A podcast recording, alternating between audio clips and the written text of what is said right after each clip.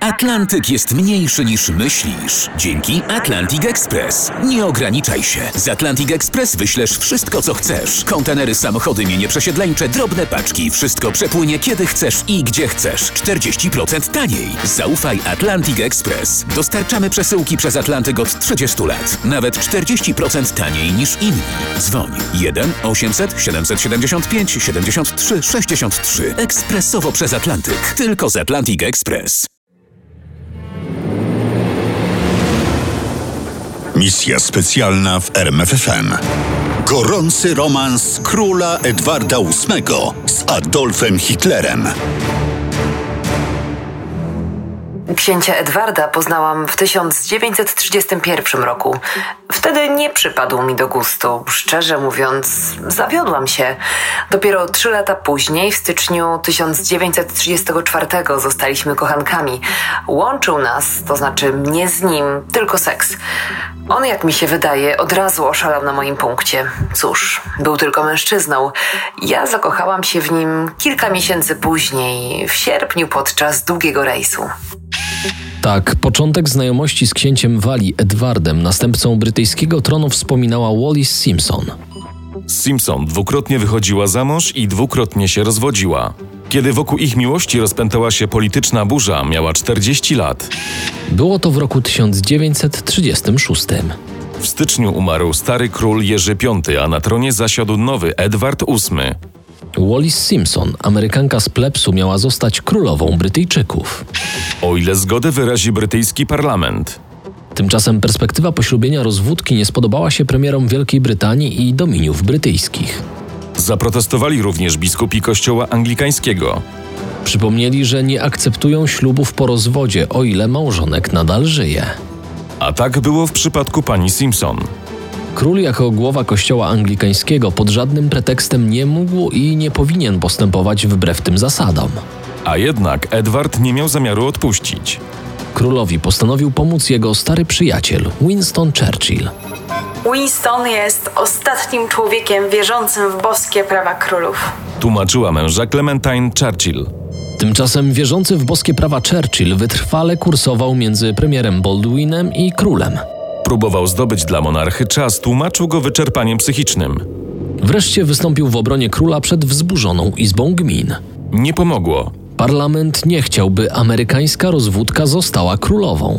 Churchill wychodził z parlamentu w złym nastroju. W kuluarach spotkał premiera Baldwina. Nie spocznie pan, dopóki król się nie złamie, tak? Baldwin rzeczywiście sprawiał wrażenie osoby niezwykle zdeterminowanej. Na posiedzeniu rządu premier zadecydował, że Sprawę tę należy zamknąć jeszcze przed Bożym Narodzeniem. czyli w ciągu następnych trzech tygodni. uzbrojony w decyzję rządu premier pofatygował się do króla, by przedstawić monarsze trzy drogi zażegnania kryzysu. Jeśli wasza królewska mość zdecyduje się na małżeństwo z panią Simpson, stanie się to wbrew woli rządu i ogromnej rzeszy obywateli. Obawiam się, że w tej sytuacji będę musiał podać się do dymisji. Czyli przewiduje pan kryzys gabinetowy. Rozumiem. Czy to wszystko? Nie, wasza królewska mość. Proponuję zrezygnować z małżeństwa. To byłoby najlepsze wyjście z sytuacji. Najlepsze? Dla kogo? Dla Wielkiej Brytanii. Unikniemy skandalu i kryzysu politycznego, którego reperkusje mogą okazać się bolesne. Obawiam się, że jako premier, reprezentant rządu i narodów Imperium Brytyjskiego będę zmuszony poprosić waszą królewską mość o abdykację. Edward VIII nic na to nie odpowiedział. Zastanawiał się przez dłuższą chwilę, aż wreszcie zwrócił się do premiera cichym, ale pewnym głosem. Ja widzę jeszcze jedno wyjście. Ożenię się z panią Simpson, ale nie koronujemy jej.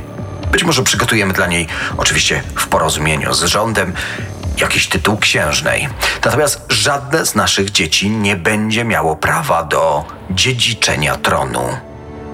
Wasza królewska mość proponuje małżeństwo morganatyczne. Ponieważ nie dano mi prerogatyw, bym o tym rozmawiał, proszę o cierpliwość. Zasięgnę Rady Gabinetu. Sądzę również, że na ten temat powinny wypowiedzieć się rządy dominiów. Kiedy zobaczyli się następnym razem, Baldwin nie miał dobrych wiadomości. Rządy dominiów Kanady, Australii i Nowej Zelandii odrzuciły możliwość zawarcia przez Waszą królewską mość małżeństwa morganatycznego. Przykro mi. W takim razie Nie widzę innej możliwości niż abdykacja. Premier postawił na swoim, wygrał. Pozbył się króla, który postanowił iść za głosem serca. Wybrał miłość, odrzucił koronę. Tak brzmiała oficjalna wersja. Ale czy była to prawda? Tak, lecz tylko do pewnego stopnia. Zatem czy związek króla Edwarda z Wallis Simpson był powodem, czy tylko pretekstem do wymuszenia królewskiej abdykacji? Prawdą jest, że Edward VIII zaczął sprawiać kłopoty już dzień po wstąpieniu na tron.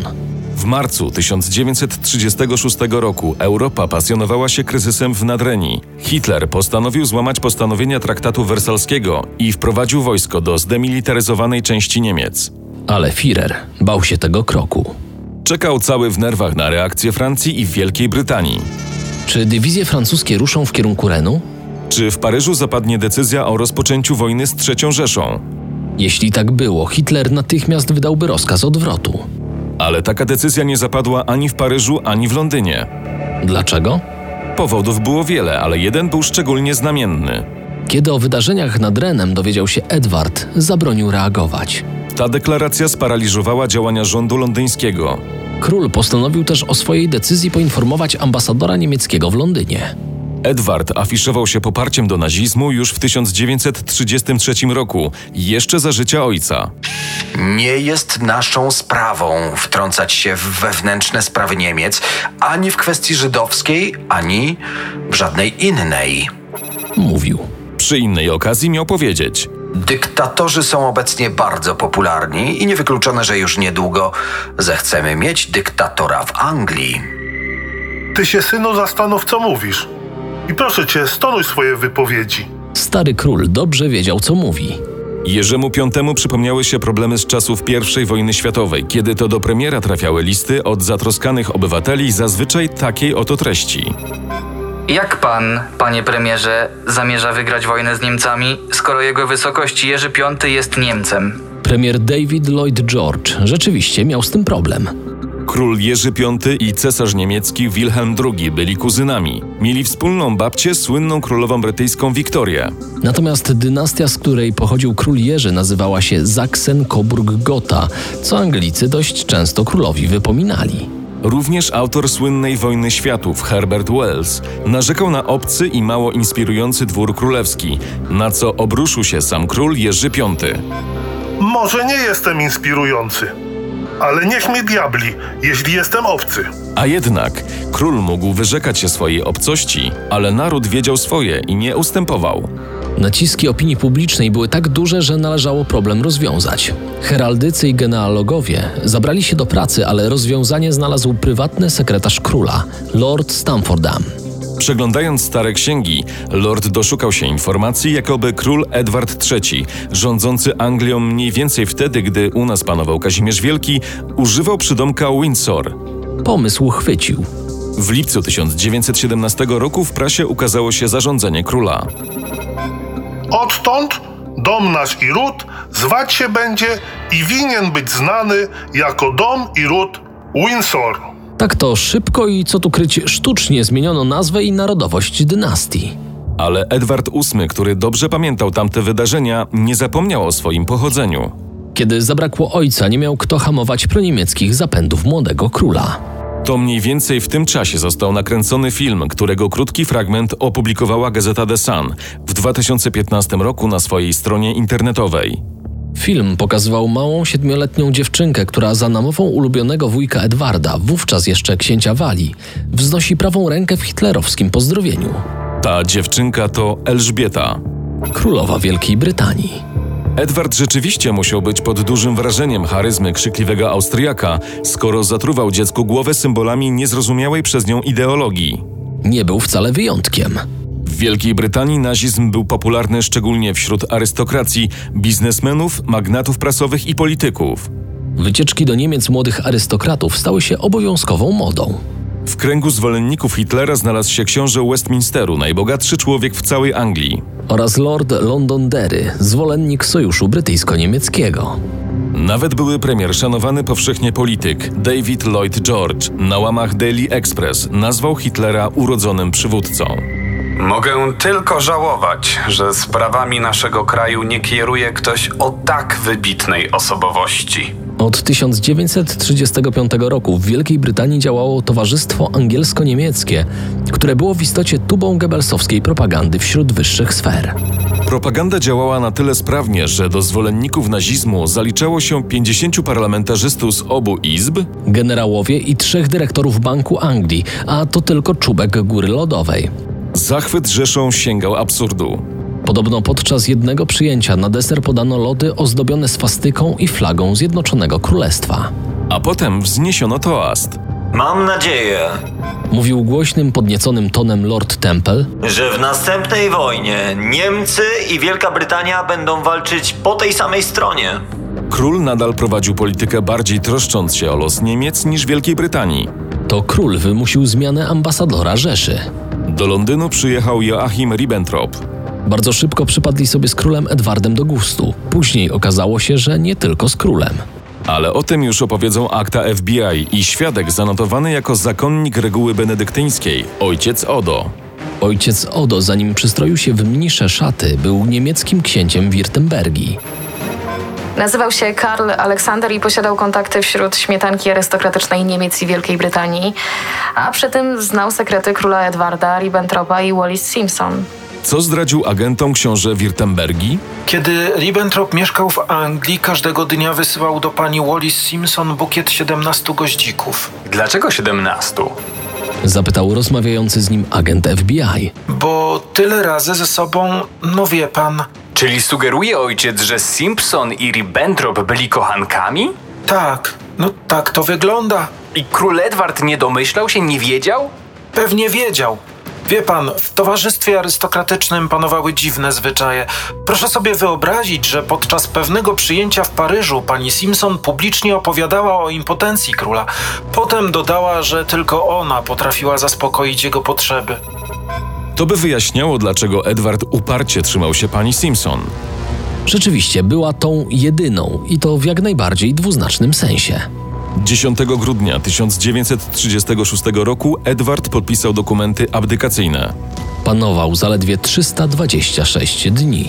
Następnego dnia, późnym wieczorem, przemówił po raz ostatni do narodu na falach radia BBC. Wszyscy znacie powody, które skłoniły mnie do zrzeczenia się tronu. Ale chcę, żebyście również wiedzieli, że podejmując te decyzje, nie zapomniałem o kraju, o imperium, któremu jako książę wali, a ostatnio jako król służyłem przez 25 lat. Ale musicie mi również uwierzyć, że nie mogłem dźwigać ciężaru odpowiedzialności i wypełniać królewskich obowiązków z pełnym zaangażowaniem, bez pomocy i wsparcia kobiety, którą kocham. Ten melodramatyczny fragment miał złagodzić złość Brytyjczyków na króla. Ale naród odebrał to przeciwnie do zamierzeń monarszych. Afektem króla do 40-letniej rozwódki opinia publiczna nie przejęła się. Dwa dni później opuścił Wielką Brytanię na pokładzie niszczyciela HMS Furia. Nowy król Jerzy VI ogłosił Edwarda księciem Windsoru. Tytuł, a zarazem pozostawienie Edwarda w gronie osób honorowanych tytułem Jego Królewskiej Wysokości pozbawiło Edwarda możliwości wypowiadania się na forum parlamentu brytyjskiego. Nominalnie eks-król został odsunięty z życia publicznego. Następne lata pokazały jednak, że łatwo było powiedzieć, gorzej wyegzekwować. Książę Windsoru nie miał zamiaru schować się w cieniu europejskiej polityki. Po abdykacji przez następne trzy lata, aż do wybuchu wojny, eks-król odnosił się w wypowiedziach prasowych do zagmatwanej sytuacji w Europie. I nadal uchodził za zwolennika Hitlera. W październiku 1937 roku książę Windsoru pokazał się w Niemczech, gdzie spotykał się z Führerem. Płynnym, wyćwiczonym ruchem oddawał niemieckie saluty i cieszył się ogólnym szacunkiem wśród nazistów. Hitler nie mógł przeboleć abdykacji Edwarda. Jestem pewien, że dzięki niemu można było nawiązać trwałe, przyjazne stosunki. Gdyby został, wszystko potoczyłoby się inaczej. Jego abdykacja była dla nas poważną stratą. Gdyby nie wojna, Edward, książę Windsoru, żyłby spokojnie gdzieś na prowincji francuskiej w jednym ze swoich licznych majątków, od czasu do czasu wypowiadając się dla prasy i przyjmując gości. Wojna zastała Edwarda i jego żonę Wallis na południu Francji. Książę Windsoru zadeklarował gotowość wstąpienia do służby dla kraju. Czekał, aż decyzję podejmie król i znajdzie dla niego jakieś zadania. Król Jerzy VI widział brata we Francji wśród oficerów brytyjskiej misji wojskowej. Gdy kampania francuska zakończyła się błyskawicznym zwycięstwem Niemców, książę i księżna Windsoru uciekli na południe, przekroczyli Pireneje i w czerwcu znaleźli się w Madrycie. W miesiąc później przenieśli się do Lizbony. O swoich peregrinacjach rzetelnie informowali Niemców. Jak? To na razie pozostaje tajemnicą. Tylko z lakonicznych raportów FBI wiadomo, że Księżna otrzymywała różnorodne informacje dotyczące oficjalnych działań brytyjskich i francuskich, które przekazywała Niemcom. W każdym razie Ribbentrop dokładnie wiedział, gdzie szukać księcia. Teraz, kiedy pokonana Francja prosiła o rozsądne warunki kapitulacji, a inwazja Wysp Brytyjskich wydawała się tylko kwestią czasu, Ribbentrop zastanawiał się, jak wykorzystać swojego zdetronizowanego przyjaciela z korzyścią dla Niemiec i, jak sądził, również dla Anglii. Z pomocą przyszedł mu sam książę Edward.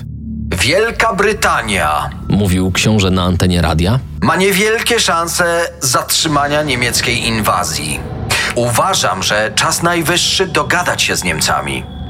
Szansa na rozsądny pokój nadal istnieje. Kiedy ta wypowiedź dotarła do Ribbentropa, postanowił wykorzystać księcia Windsoru ku chwale Niemiec. Ribbentrop wpadł na szalony pomysł. Szczegółami podzielił się z Hitlerem, który zaakceptował pomysł. Zadanie postanowili powierzyć oficerowi wywiadu SS Walterowi Schellenbergowi.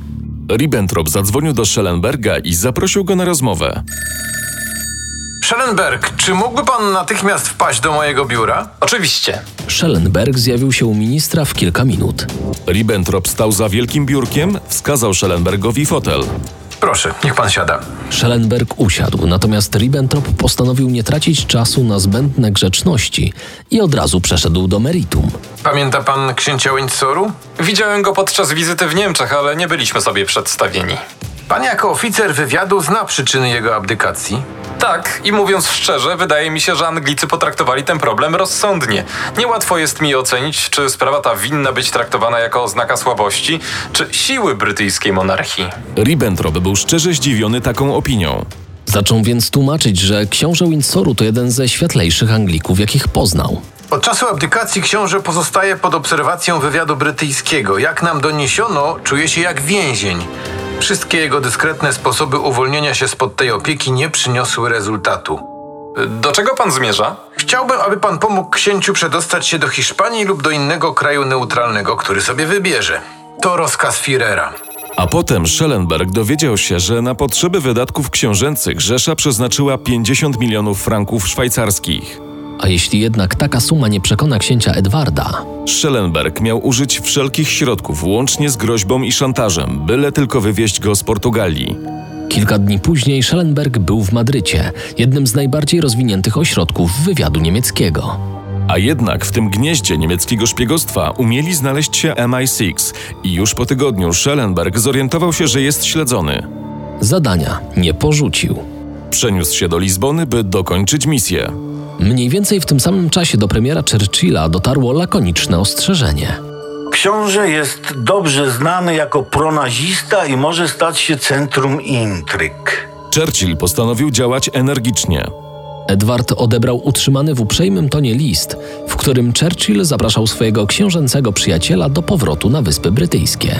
Jeśli nie, pisał dalej premier, to ponieważ książę podlega służbie wojskowej, będę zmuszony oddać jego królewską mość księcia Windsoru pod sąd wojenny. Edward się przestraszył, o czym przekonał się Schellenberg, kiedy tylko pojawił się w Lizbonie i przystąpił do ostatniego etapu misji. Oficerowi SS nie pomogły prośby i groźby.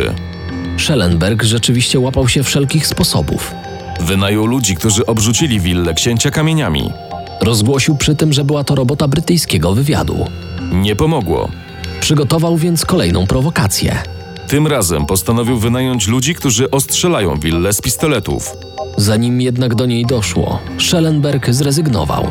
Potem tłumaczył się troską o zdrowie księżnej. Tymczasem Churchill zmienił zdanie. Nie chciał już księcia w Anglii. Postanowił dać mu w zarząd Bahamy. Według raportu FBI wiadomo, że Brytyjczycy obawiali się, że księżna zrobi lub powie coś, co Niemcy będą mogli wykorzystać przeciw Wielkiej Brytanii. Wobec tego Winston Churchill uznał za absolutnie niezbędne usunąć Windsorów gdzieś, gdzie nie wyrządzą absolutnie żadnej szkody. Edward nie mógł odmówić, mimo że nie spodobała mu się ta propozycja. Bahamy nazywał brytyjską kolonią trzeciej kategorii. 1 sierpnia on i jego żona Wallis wsiedli na statek Excalibur. Ta nazwa musiała przypomnieć księciu zamierzchłe dzieje monarchii brytyjskiej. Walter Schellenberg stał w oknie wieży ambasady niemieckiej w Lizbonie i przez lornetkę obserwował, jak statek powoli wychodzi z portu. Jego misja zakończyła się niepowodzeniem. Przegrał, ale nie czuł żalu. Od początku uważał, że była to najdziwniejsza misja, jaką mu zlecono. Dlaczego Churchill wysłał księcia Windsoru na Bahamy? Bo znajdowały się daleko od pogrążonej w wojnie Europy. Stąd ustanowienie jakiegokolwiek kanału komunikacji z von Ribbentropem było niemożliwe. Na Bahamach książęca para spędziła następne 4,5 roku. Dopiero wiosną 1945 roku, kiedy wojna była już wygrana, wrócili do Europy. Zamieszkali w jednej z licznych posiadłości księcia we Francji. Żyli długo i szczęśliwie. Nudę uatrakcyjniały im podróże i wykwintne przyjęcia. On zmarł w 1972 roku. Ona przeżyła go o 14 lat. Zmarła w 1986. Pochowano ich razem w królewskim mauzoleum nieopodal zamku Windsor. Misja specjalna w RMFFM. Na tropie największych tajemnic historii.